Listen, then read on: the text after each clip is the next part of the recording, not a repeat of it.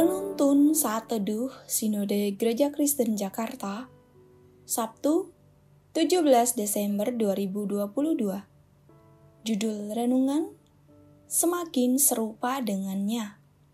Nats Alkitab terambil di dalam kitab Roma pasal 8 ayat 29 Sebab semua orang yang dipilihnya dari semula mereka juga ditentukannya dari semula untuk menjadi serupa dengan gambaran anaknya, supaya ia, anaknya itu, menjadi yang sulung di antara banyak saudara.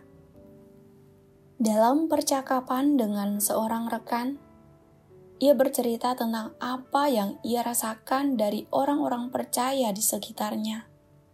Mereka mengasihi tanpa memandang latar belakang yang berbeda dengan keyakinan saya, katanya.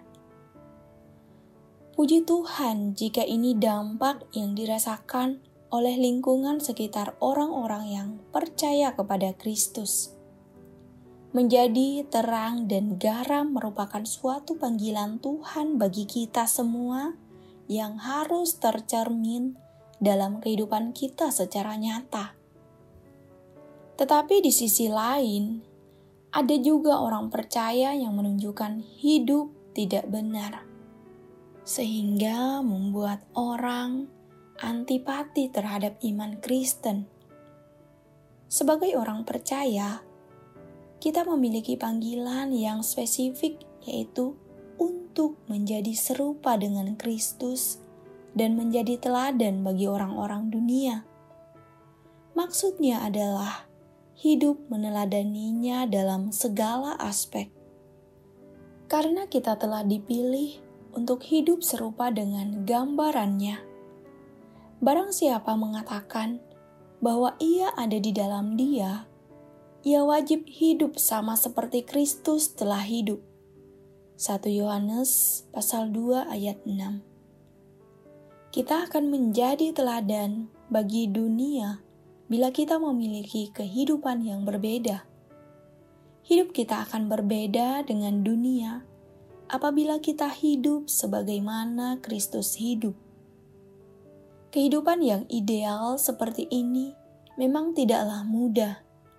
Pada akhirnya, semua bergantung pada respon kita terhadap pimpinan Roh Kudus. Karena sebagai ciptaan baru di dalam Kristus, Roh Kudus yang berdiam di dalam kita akan membantu kita dengan menegur, mengingatkan, serta membimbing kita untuk semakin hidup berkenan kepada Allah. Ketika kita mau merespon hal ini dengan benar, kita disanggupkan untuk melakukan apa yang Kristus lakukan. Apa gunanya kita mengaku sebagai orang Kristen? Namun tidak mencerminkan pribadi Kristus dalam kehidupan kita. Amin. Terima kasih, Tuhan Yesus memberkati.